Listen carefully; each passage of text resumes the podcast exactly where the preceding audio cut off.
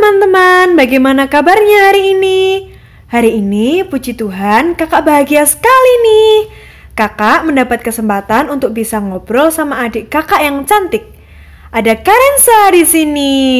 Halo Karensa, gimana kabarnya?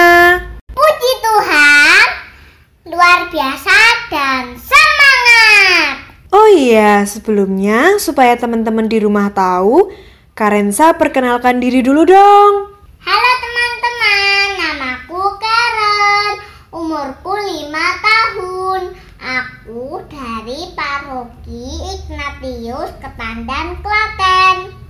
Terima kasih Karensa sudah memperkenalkan diri. Oh iya, Karensa sudah tahu belum hari ini kita mau bahas tentang apa? Wah, Karen belum tahu nih kak. Kira-kira kita mau bercerita tentang apa ya kak? Jadi, hari ini kita mau membahas tentang lima roti dan dua ikan. Karen sudah tahu belum tentang lima roti dan dua ikan? Tahu kak! Wah, hebat! Kalau gitu, kakak mau denger dong. Boleh nggak? Tentu boleh kak. Jadi ceritanya Tuhan melihat banyak sekali orang, tapi hanya ada lima roti dan dua ikan. Kemudian Tuhan Yesus berdoa dan mengucap syukur agar makanan ini cukup untuk semua. Dan waktu dibagikan cukup untuk banyak orang dan sisa 12 keranjang. Wah, hebat sekali Karensa. Terima kasih ya sudah menceritakan untuk kakak dan teman-teman di rumah. Nah, Tuhan Yesus keren sekali ya. Hanya dengan berdoa dan mengucap syukur, Tuhan dapat menggandakan lima roti dan dua ikan. Dan dia dapat memberi makan 5000 orang, masih ada sisa banyak lagi ya. Nah, ada pelajaran penting nih yang bisa kita petik dari cerita ini. Kita harus belajar dari orang yang mau menyerahkan lima roti dan dua ikan yang dia punya kepada Tuhan Yesus. Padahal kalau dia makan untuk dirinya sendiri saja, dia sudah kenyang ya. Tapi walaupun tidak memiliki banyak, dia mau untuk membagikan apa yang dia punyai. Dan ternyata sesuatu yang sedikit di mata kita dapat menjadi berkat bagi orang lain. Kalau Karensa sendiri gimana nih? Sudah pernah berbagi belum sama teman atau saudara?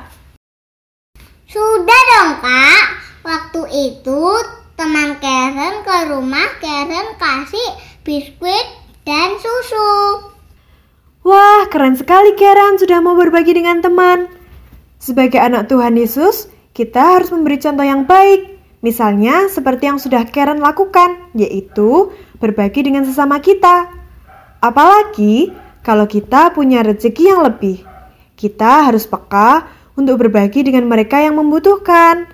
Karena dengan hal kecil yang kita bagi dapat menjadi berkat yang luar biasa bagi orang lain. Nah, berikutnya kakak mau tanya lagi nih Karen.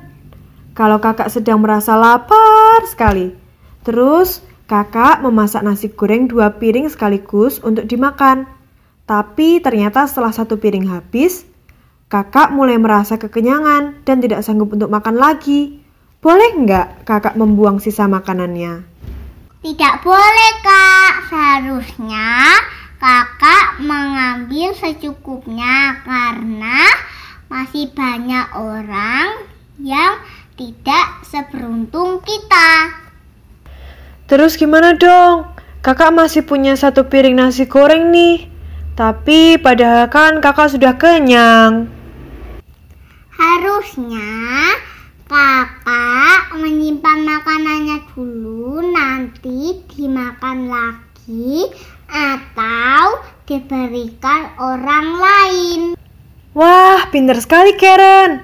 Betul sekali nih teman-teman di rumah. Kita tidak boleh membuang makanan begitu saja. Lebih baik kalau mau ambil makanan sedikit-sedikit atau sesuai standar kita. Kita tidak boleh lapar mata supaya tidak ada makanan yang terbuang. Nah, dari perumpamaan tentang lima roti dan dua ikan, ada pembelajaran lagi nih Karen, yaitu Tuhan sering kali memberi kita lebih daripada yang kita butuhkan. Dan ketika hal itu terjadi, apa yang kita lakukan dengan sisanya? Yesus berkata kepada murid-muridnya agar mengumpulkan sisa roti itu, sehingga tidak ada satupun yang terbuang. Mungkin setelah terkumpul, barulah akan diberikan kepada mereka yang masih kelaparan atau kepada orang yang membutuhkan saat mereka temui di perjalanan. Nah, Karen, kita mungkin hanya punya sedikit mungkin kita juga telah diberi lebih dari apa yang kita butuhkan. Kalau kita seperti dengan orang yang tadi yang mau menyerahkan yang kita punya untuk dibagikan kepada orang banyak, pasti Tuhan akan senang. Karena itu tandanya kita mau berbagi dengan sesama. Wah, sudah sesuai dengan yang Karen lakukan ya. Hebat sekali nih. Oh iya, selain berbagi dengan sesama dan tidak boleh membuang makanan, ada pelajaran lain yang bisa kita petik. Karen tahu nggak itu apa? Tahu kak, bersyukur. Iya, betul sekali Karen. Kita harus bersyukur mulai dari hal kecil. Misalnya ketika kita bangun tidur, ketika kita bisa makan, ketika kita bisa bertemu dengan teman-teman, ketika kita bisa membantu orang tua, dan masih banyak hal lagi. Entah sedikit atau banyak yang Tuhan beri, kita juga harus selalu bersyukur. Karen sudah bersyukur belum hari ini? Sudah kak, Karen berdoa dengan keluarga. Kita harus bersyukur dan berdoa karena Tuhan Yesus sudah memberi hari yang indah dan hati yang senang. Wah, keren sekali. Kalau berdoa bersama, siapa yang pimpin Karen? Ya, kadang-kadang Karen, kadang-kadang Kakung, kadang-kadang Mama, kadang-kadang Papa. Pokoknya kita saling bergantian. Wah, hebat. Teruskan ya, supaya Karen selalu bertumbuh dalam iman. Nah, sekarang kakak mau ajak Karen penyanyi nih. Karen tahu nggak lagu lima roti dan dua ikan? Tahu kak, yang begini bukan.